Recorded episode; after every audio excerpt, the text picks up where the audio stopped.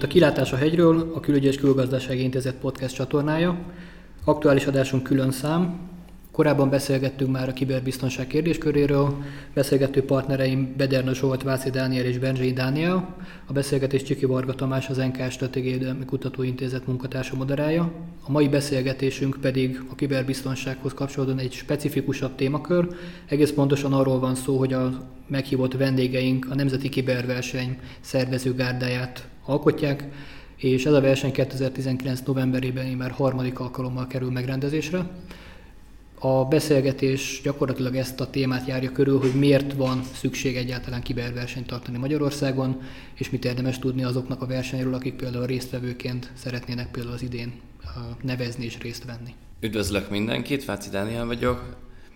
Talán azzal kezdeném, hogy egy kicsit visszautalok az előző számra, ahol felvetetted a Die Hard 4-et, és olyan témakörökről beszélgettünk, hogy vajon lehetséges egy bizonyos támadást kivitelezni állami szinten, nem állami szinten egy adott támadó csoport által.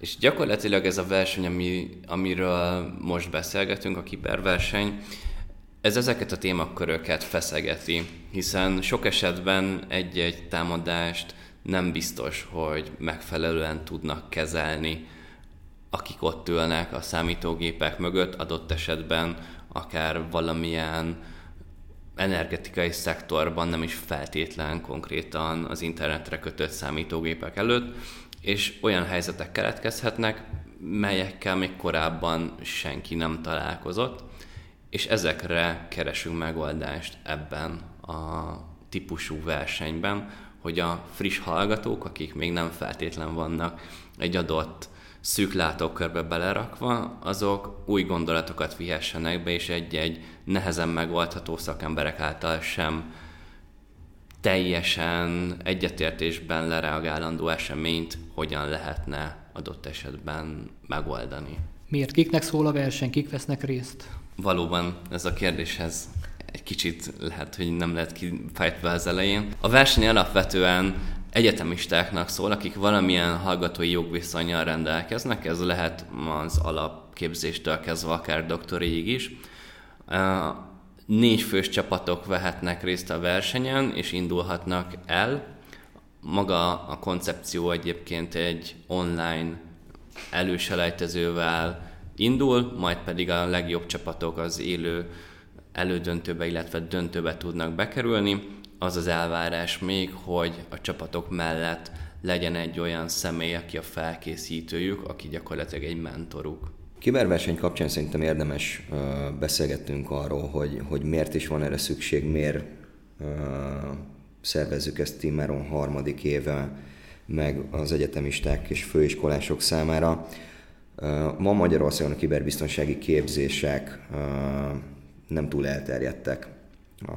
Van néhány egyetem, ahol technikai oldalról foglalkoznak kiberbiztonsággal, és van kiberbiztonsági képzés, viszont ez a verseny, ez egy olyan döntéshozatali szimuláció, ahol próbálunk mindenkit, minden olyan képzésben résztvevőt megszólítani, akik a kiberbiztonsághoz csak egy kicsit is kapcsolódnak. Sokak meg szoktak lepődni akkor, amikor a jogászokat emlegetem, hogy nagyon fontosak kiberbiztonság szempontjából, hiszen az előző számban már érintettük a nemzetállami képességeket, illetve olyan kiberbiztonsági, bocsánat, olyan kibertámadásokról beszéltünk, ami nemzetállami szinten okozott károkat, problémákat. Egy idő után ezeknek a támadásoknak a nyomán előkerülnek a nemzetközi jogi uh, problémák uh, és kihívások, tehát igenis a kiberbiztonság az ma már jóval több, mint egyesek és nulláknak a sorozata, mint technikai embereknek a saját kis külön privát zónája. Nagyon sokféle tudásra van szükség ahhoz, hogy egy kiberbiztonsági válsághelyzetet kezelni tudjunk. Teljesen mindegy, hogy vállalati, nemzetállami vagy egyéni szinten beszélgetünk erről. Ennek a versenynek a keretében ezeket a képességeket próbáljuk meg fejleszteni, illetve megtalálni azokat a legjobb hallgatókat, akik adott esetben nemzetközi szinten is alkalmasak arra, hogy megméretetésre kerüljenek. Ha én toboroznám a résztvevőket, akkor kiket lenne érdemes ezzel megtalálni? Ha én például etikus hacker vagyok, akkor jelentkezzek a versenyre. Ha közgazdász vagyok, jelentkezzek a versenyre. Vagy mondjuk katona vagyok, akkor jelentkezzek a versenyre. Alapvetően azt szoktuk mondani, hogy bárki bármilyen háttérrel jelentkezhet. Nincsen megkötés olyan tekintetben, hogy milyen képzésről, milyen irányból érkezzenek a csapattagok és a csapatok. Amit mi kvázi erősíteni szoktunk, illetve azt szoktuk javasolni a jelentkezőknek, hogy próbáljanak vegyes csapatokat alakítani. A kiberbiztonság egy nagyon összetett dolog, ezért nem érdemes mondjuk két, három, négy etikus hackernek, illetve technikai tudással rendelkező hallgatónak összeállni, hiszen a verseny során olyan feladatokkal és kihívásokkal szembesülnek, ahol adott esetben például az előbb említett jogi tudásra vagy nemzetközi ismeretekre van szükségük. Úgyhogy mi ezt szoktuk javasolni, hogy minél vegyesebb, minél színesebb tudást próbáljanak meg egy-egy csapatba tömöríteni. Igen, ez egyébként alapvetően a versenynek célja, hogy ha megvizsgálunk egy cég működését, akkor sok esetben az IT, illetve a kiberbiztonsági szakemberek nem feltétlen beszélik ugyanazt a nyelvet, mint mondjuk a felső vezetés, vagy azok az ő szemszögükből teljesen átlag felhasználók, akik nem értenek az informatikához. Holott, mint ahogy említésre került, ez egy nagyon összetett témakör, és cél az, és próbálunk olyan feladatokat létrehozni, ahol nekik beszélniük kell egymással, ahol egymásra épülnek ezek a dolgok, és szeretnénk azt erősíteni, hogy amikor kikerül egy hallgató a versenyszférába vagy az állami szférába, akkor meg tudja értetni magát, és ő is megértse a másik oldalt, és közösen tudják kezelni az adott helyzetet. Maga a diversifikáció erősítése a csapatokban véleményem szerint is kifejezetten fontos, hogyha csak arra gondolok, hogy általános adatvédelmi rendelet, akkor a személyes adatok védelme érdekében a jogászoknak adatvédelmi jogászoknak, a vezetőknek, a informatikai szakembereknek, fejlesztőknek és mindenkinek gyakorlatilag együtt kell működnie. És ilyen értelemben magának a versenynek is lesz technikai feladata, amelyet meg kell oldani a, a csapatoknak, és természetesen pontozásra kerül majd ez a elvégzett feladat. Sokan szokták kérdezni, hogy milyen típusú versenyek vannak, és azt gondolom, hogy ez az a pont, ahol érdemes egy kicsit ebbe belenézni. Tehát, hogyha valaki az szeretné, hogy leül egy gép elé, akár otthon, vagy akár egy közös térben, és ott konkrétan hackel, ez nem az a verseny. Tehát nagyon jó versenyek vannak országosan is, nagyon ezek az úgynevezett Capture the Flag versenyek is ide tartoznak, ahol valami valamilyen rendszerben kell konkrétan a billentyű segítségével bejutni, és ott különböző feladatokat megoldani.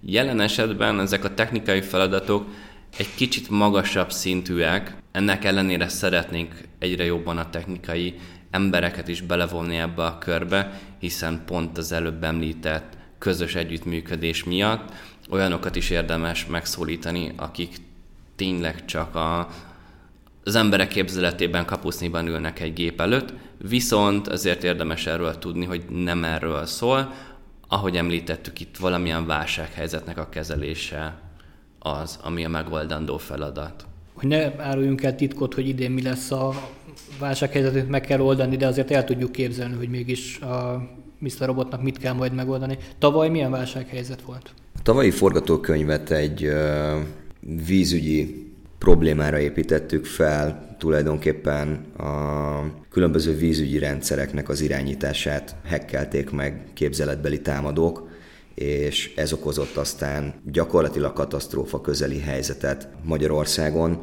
Alapvetően a kiberbiztonság komplexitásából fakadva mindig arra törekszünk, hogy egy idő után a digitális térből kilépve tényleges, valódi válsághelyzetet kelljen kezelniük a hallgatóknak, a versenyzőknek. Éppen ezért nagyon jól jöhet például egy csapatban, hogyha van olyan hallgató, aki válságmenedzsmenttel, válságkezeléssel foglalkozik, nem a digitális térben, hanem úgy általában honnan, milyen képességeket, milyen erőket kell átcsoportosítani ahhoz, hogy egy digitális térből fakadó probléma miatt, de valódi fizikális térben létező válságot kelljen megoldani. Gyakorlatilag, amikor elkezdjük ezeket a sztorikat kitalálni, hogy, hogy hogyan is lehetne, vagy mit is lehetne érdemben belecsempészni a hallgatóknak, egy kicsit nyugatra nyúlunk, ahol sok esetben akár maga áll, magák, maguk az államok vetnek föl egy problémát, vagy nagy multik vetnek föl egy nagy, nagy problémát, amit nem tudnak megoldani, és szeretnének frissen végzett, vagy még nem végzett egyetemistákkal megoldatni.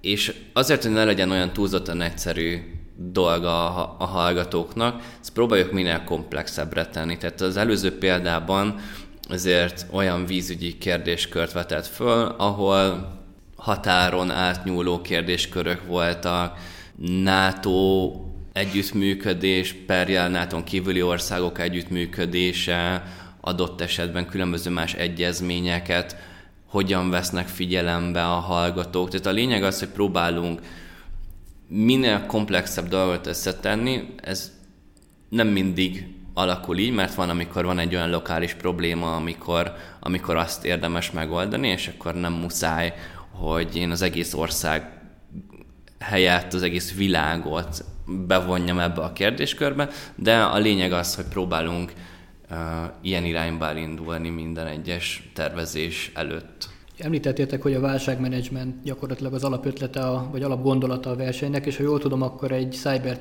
912 nevű verseny vagy brand az, ami az alapötletet vagy a kiindulatot adta évekkel ezelőtt. Ugye a 912 az az Egyesült Államok ellen végrehajtott 2001. szeptember 11-i terrortámadások másnapjára utaló elnevezés, a Cyber 912 pedig akkor feltételezem egy kibertámadás utáni reagálást mutat.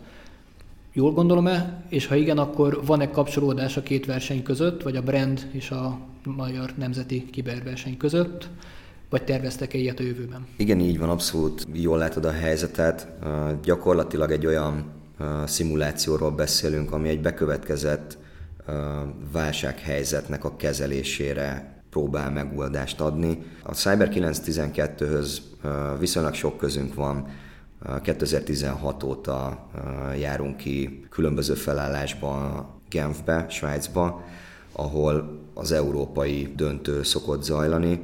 Ezt annak idején az Atlantic Council nevű szervezet kezdte el szervezni, eredetileg az Egyesült Államokban, Washingtonban, és onnan hozták át 2016-ba Genfbe, ahova gyakorlatilag Európa minden pontjáról mennek versenyzők, csapatok, nagyon neves egyetemekről, az amerikai versenyzőknek, az ottani nyertes csapatnak az egyik díja az az, hogy az európai döntőbe is eljöhet. Kivétel nélkül nagyon jól szoktak szerepelni. Azt gondolom, hogy amit mi pluszban hozzáteszünk a Cyber 912-es sémához, az a technikai oldal.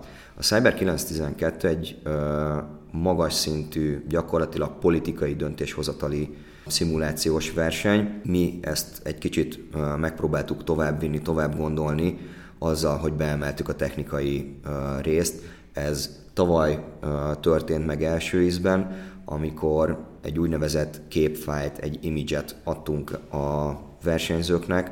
Ez gyakorlatilag egy számítógépnek az aktuális állapotát örökítette meg, hálózati forgalom, mi van a memóriában, mi található a Winchesteren egy adott pillanatban, és ebből kellett nekik információt kinyerni. Ez egy úgynevezett forenzik jellegű feladat volt, de olyan technikai tudás kellett hozzá, ami nem professzionális, tehát ha valaki egy kicsit utána olvasott az interneten, akkor meg tudta válaszolni a kapcsolódó kérdéseket. Az idei évben ezt szeretnénk továbbvinni, nem csak azért, mert fontosnak tartjuk a technikai vonalnak a bővítését mi magunk, hanem a támogatóink is, ugye ez nem titok, hogy különböző cégekkel, nagyvállalatokkal dolgozunk együtt, akiknek különböző kiberbiztonsági szakértelemmel rendelkező fiatalokra van szüksége, és ők is azt forszírozzák, hogy legyen minél masszívabb a technikai elem ebben a versenyben, viszont nem szeretnék azt, hogy ez a korábban a Dani által említett úgynevezett Capture the flag váljon, hiszen ebből nagyon sok van, ilyen jellegű technikai versenyeket rengeteget lehet találni. Viszont azt a kombinációt, amikor az úgynevezett soft skill-ekkel rendelkező kiberbiztonsági szakemberek is részt tudnak venni egy-egy ilyen versenyen, az azt gondolom, hogy egyelőre, ha nem is teljes mértékben unikális, de még elég kevés van belőle. Kezdjük lassan pedzegetni, hogy vannak támogatók, vannak résztvevők, hogyha most egy kicsit reklámértékkel szeretném megközelíteni. Mit nyer az, aki részt vesz a versenyen, és miért éri ezt meg támogatni bárkinek a partnerek közül? Alapvetően a, a koncepciónk az az, hogy a győztes csapat, vagyis aki a legjobbnak bizonyul, ő nemzetközi szinten is megmutathassa a tudását, ezért nagyon fontosnak tartjuk azt, hogy a fődíjnak az egyik eleme az az legyen, hogy kvázi általunk szervezve és biztosítva ki tudnak utazni a Genfi versenyre, ahol ugye mi is jártunk már több ízben. Én azt gondolom, hogy ez egy nagyon fontos elem, hiszen ott derül ki igazándiból az, hogy milyen szinten is vannak ma a magyar hallgatók kiberbiztonsági tekintetben. Támogatói oldalról én azt gondolom, hogy nagyon fontos, hogy kiberbiztonsági szakembereket tudjon találni egy cég, hiszen különböző statisztikák vannak, előrejelzések azzal kapcsolatban, hogy 2020-21 környékére milliós nagyságrendben, ez 3 millió főről beszélünk, akik kiberbiztonsági szakemberként hiányozni fognak a piacról. Ez rengeteg. Ez csak az Egyesült Államokban azt hiszem 400 ezer főt jelent. Egyszerűen nem fogják tudni feltölteni ezeket a helyeket, Egyre több cégnél foglalkoznak, és egyre több cégnél bővül a kiberbiztonsági tevékenység, egyre több szakemberre van szükség, miközben nincs ember, akit fel lehetne venni. Tehát a támogatóknak gyakorlatilag ebből a szempontból lehet egy nagyon fontos kezdeményezés a Nemzeti Kiberverseny, hogy viszonylag korai fázisban még hallgatóként tudnak találkozni egyébként a kiberbiztonság iránt érdeklődő hallgatókkal. Ha létezik például az adott cégnél friss diplomásoknak valamilyen program, vagy esetleg gyakorlati helyet tudnak nekik ajánlani. Én azt gondolom, hogy ez nagyon jó kölcsönös előnyöket tud jelenteni a résztvevőknek és a támogatóknak egyaránt. Talán a, a hallgatói oldalról érdemes egy kicsit több szót ejteni, hiszen nyilván az egy nagyon jó dolog, hogy nemzetközi szinten is megmérettethetik magukat, és megtudhatják, hogy milyen szinten vannak más hallgatókhoz képest. Azonban azt gondolom, hogy egyrészt találkozni tényleg az adott esetben jövőbeli munkavállalókkal egy nagyon hasznos tud lenni, már csak azért is, hogy tudják, hogy, hogy milyen pozíciókra keresnek egyáltalán embereket. Ha én visszagondolok arra, amikor először elkezdtem munkát keresni, nem igazán volt a fejemben, hogy akkor milyen pozíciók is vannak, mi az, hogy szakértő, mi az, hogy tanácsadó, ki az etikus hacker, és egyébként ezek hogy függenek össze. Én azt gondolom, ez egy nagyon jó olyan találkozási pont, ahol erre rájöhetnek. A másik része ennek az egésznek, hogy a támogatóinkat szeretjük felkérni különböző előadások megtartására is. Ezek azt gondolom, hogy egyértelműen nem marketing előadásoknak kell, hogy legyenek, hiszen a hallgatók nem fogják megvenni a termékeiket. Itt mindig az a célunk, hogy az adott előadó egy kicsit jó példával járjon elő, hogy életutakat tudjon mutatni, hogy karrierutakat tudjon mutatni, hogy rávilágítson a hallgatóknak, hogy mi a különbség egy kis magyarországi tulajdonban lévő tanácsadónál dolgozni, vagy egy nagy multinak a valamilyen biztonsági központjában. Úgyhogy azt gondolom, hogy, hogy ez tud még egy nagyon hasznos láb lenni, illetve hát a, azt gondolom, aki egy versenyre eljön, az, az valamit szeretne, már pedig beszélgetve korábbi támogatókkal, nagyon sokszor jutnak abba a szituációba, hogy már a századik önéletrajzot olvassák el, és tulajdonképpen egyik sem az igazi, behívnak tizet, de, de nem tudnak vele mit kezdeni, mert nem olyan szinten van. Itt munka közben, értem ez alatt nyilván a versenyi munkafolyamatot, tudják megnézni a tevékenységet, és hogyha kölcsönösen szimpatikus egymásnak, akkor tudnak tovább lépni. És persze ne felejtsünk, ne feledkezzünk el a megfigyelőkről sem, hiszen akik ellátogatnak a verseny helyszínére, mint látogatók, mint nézők kvázi, ők láthatják a, az egyes csapatokat versenyezni, és az ő gondolatmenetüket lekövethetik, illetve találkozhatnak a, a kiállítókkal. Hogy kik a kiállítók, gyakorlatilag érdemes megemlíteni nem csak azokat a különböző nagyságú cégeket, akik beállnak anyagilag a verseny szponzorálása mögé. Mi azt gondoljuk, hogy törekszünk arra, hogy minél szélesebb körben meg tudjuk hívni a különböző szervezeteket, akik a kiberbiztonság kapcsán ma Magyarországon tevékenykednek, és, és azt látom, hogy az ő érdeklődésük is nagyon nagy, hiszen egy kicsit néha úgy érzem, hogy kezd kiöregedni a szakma, és nagyon, nagyon keresik a fiatal szakértőket ezek az egyesületek is, és azt gondolom, hogy szintén jó lehet hallgatai szemszögből megtekinteni azt, hogy egyébként milyen szervezetek vannak, különböző pályázatokat indítanak ezek a szervezetek, amiken el lehet indulni, ahol lehet akár az ösztöndíj mellé valami kis kiegészítőt is nyerni, vagy csak valamilyen szakmai sikert elérni. A kétnapos rendezvénynek úgy látom, meg ugye úgy tapasztaltam az elmúlt évben, amikor én magam is szemlélőként, nézőként részt vettem, hogy eléggé gazdag a programja, párhuzamosan futnak a kiállítások, a beszélgetések és maga a verseny. Közbe cirkulálnak a résztvevők, és mindenki a saját kis érdeklődésének számottartó elemmel meg tud ismerkedni. Nagyságrendileg hány csapat és milyen nagyságrendű résztvevői kör az, aki tavaly részt vett, és idén körülbelül hány csapatra számítotok mondjuk nevezői megközelítésben? Az előző évben konkrétan 11 egyetemről érkeztek csapatok. Itt nem úgy kell elképzelni, hogy egy csapat az konkrét minden tagja egy egyetemről érkezett, amit mi nagyon üdvözítőnek találunk, hiszen, amint említettük, különböző képességekkel rendelkeznek, tehát 11 egyetemről jött nevezés, ami külön öröm volt számunkra, hogy volt olyan csapat, aki két erdélyi egyetemről érkezett.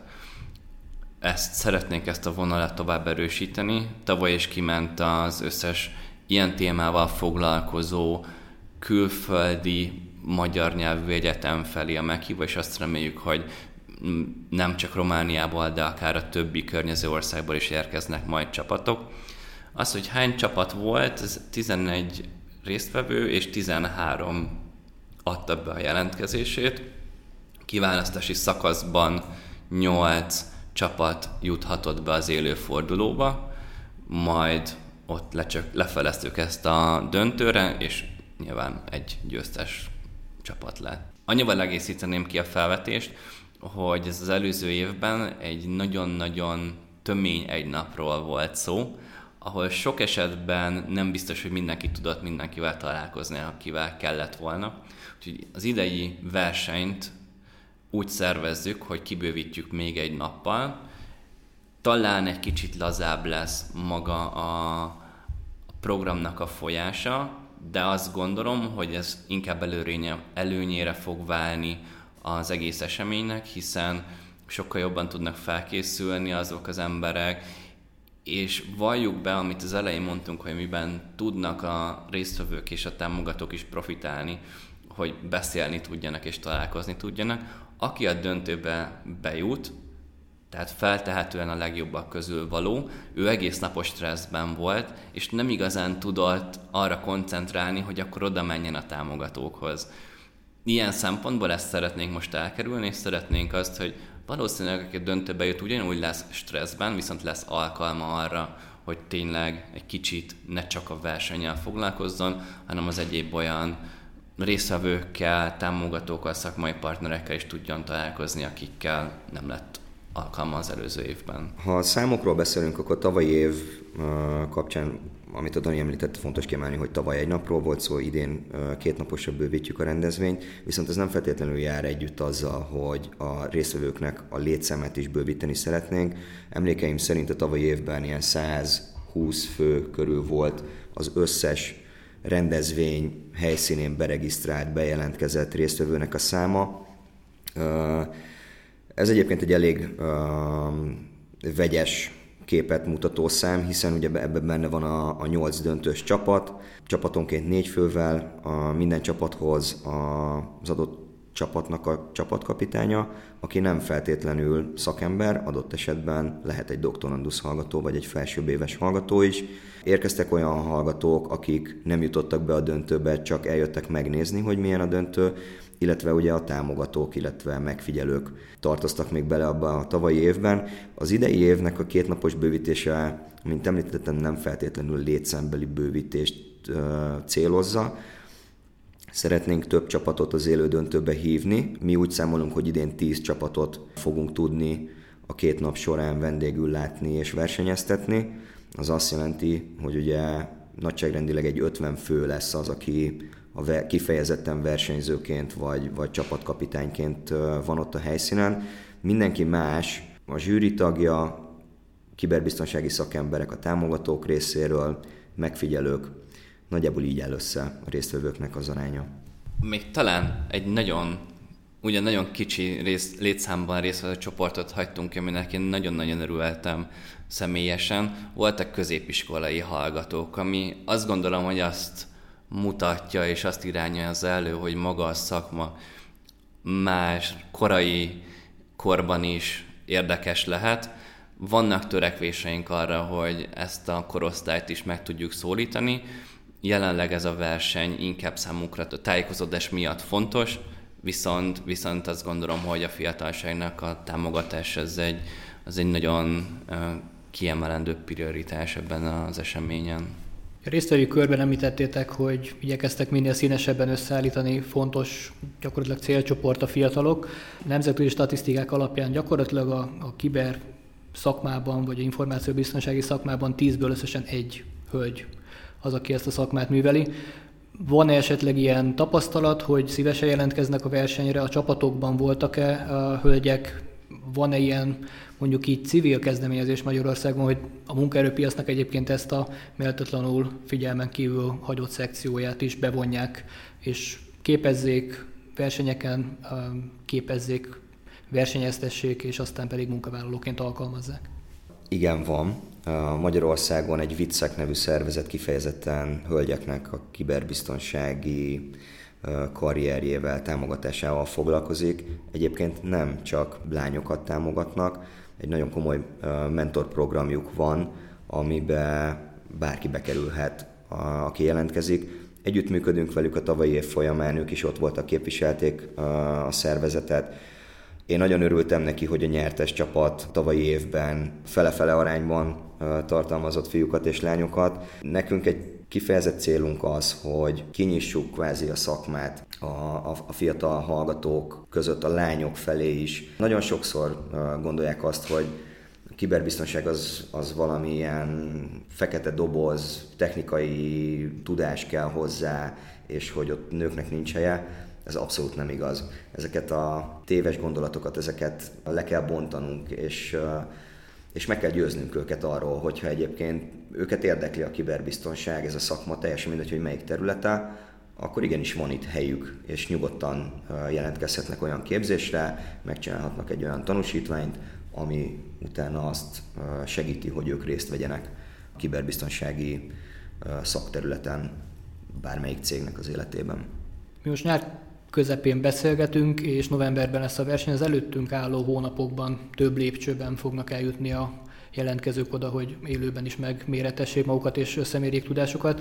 Mire érdemes számítani, körülbelül mikor tájt és milyen lépcsőkön kell keresztül jutni ehhez? Augusztus vége, szeptember eleje lesz az az időpont, amikor tól a kiberverseny.hu honlapon gyakorlatilag minden információ elérhetővé válik majd azok számára, akik szeretnének a versenyre jelentkezni, illetve terveink szerint a közösségi médiában is egy elég komoly kampányt fogunk folytatni, úgyhogy biztos vagyok benne, hogy azok a fiatalok, akik ma manapság Facebookot, Instagramot, esetleg már LinkedIn-t használnak, ők biztos, hogy fognak találkozni a kiberversenynek a hirdetéseivel. A social media felületeken kívül egyébként azt gondolom, hogy a hallgatók nyugodtan oda mehetnek azokhoz a tanárokhoz, akik az előző évben részt vettek. Én, ahogy ismerem ezt a közösséget, nagyon nyitottak és szívesen segítenek a hallgatóknak. Emellett én azt gondolom, hogy akik részt vettek az előző években a versenyen, szakemberek, ők is nagyon szívesen ajánlják a hallgatók figyelmébe ezt, úgyhogy szerintem sok olyan személy van, aki már hallott erről, és szívesen mondta be, de ha megkerestek minket, akkor, akkor mi is szívesen válaszolunk minden kérdésre.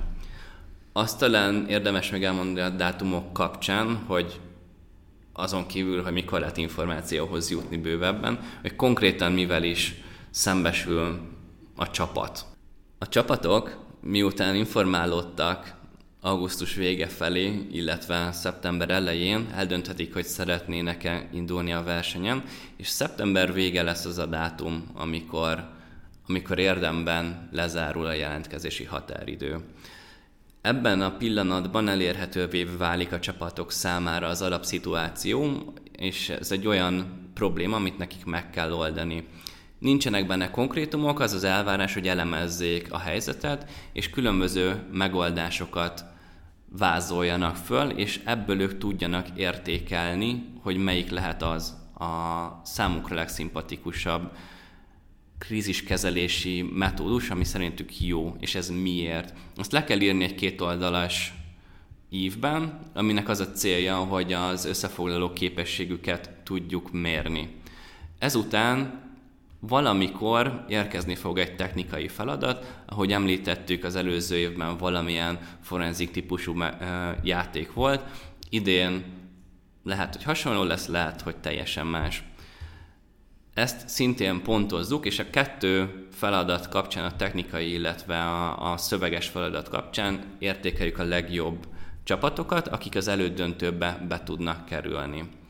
Az elődöntő, ez már az élő, ez a bizonyos novemberi időpont, amikor is újabb szintet lép az a kitalált szituáció, ami a korábban felvázolva került, és gyakorlatilag valamilyen újabb incidens keletkezik valahol a térben.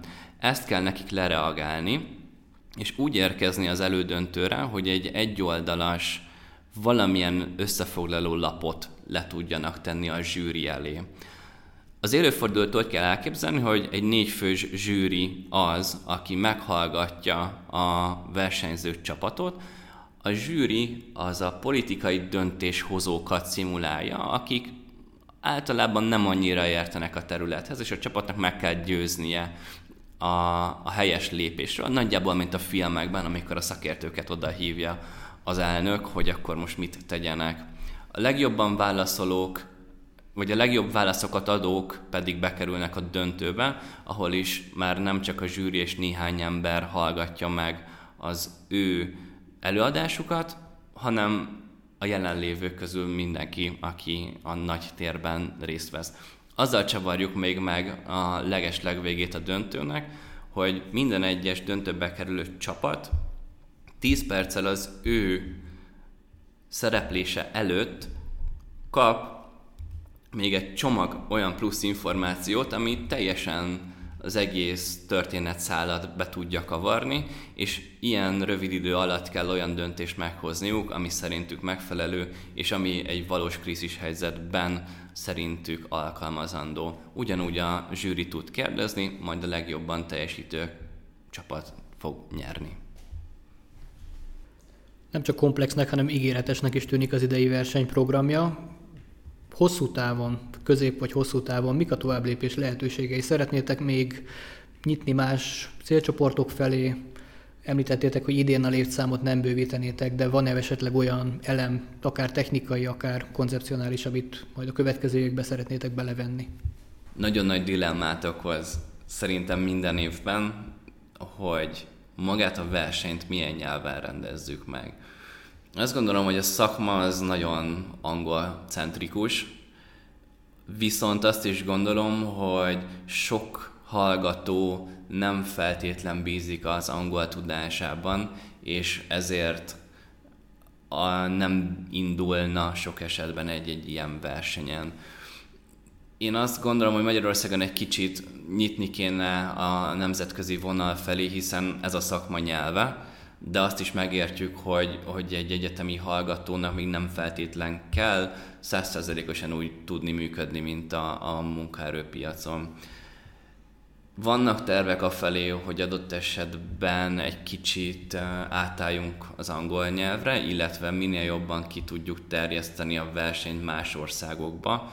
Ennek mindegyiknek megvan az előnye, a hátránya. Most idén úgy döntöttünk, hogy ez ugyanúgy magyar nyelven folyik, mint ahogy eddig. Vannak különböző tervek azt szerint, hogy, hogy más nemzetközi szervezetekkel hogyan lehetne adott esetben együttműködni. Vannak ígéretes egyeztetések ilyen szempontból.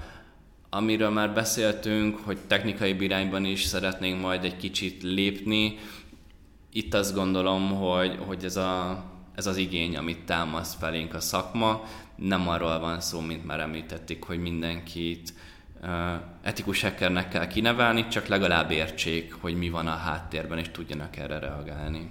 Köszönöm szépen a számos megosztott hasznos és értékes információt. Bízunk benne, hogy a harmadik nemzeti kiberverseny is nagy sikerrel fog zárulni mindenkit így az éteren keresztül is bíztatnék a jelentkezésre.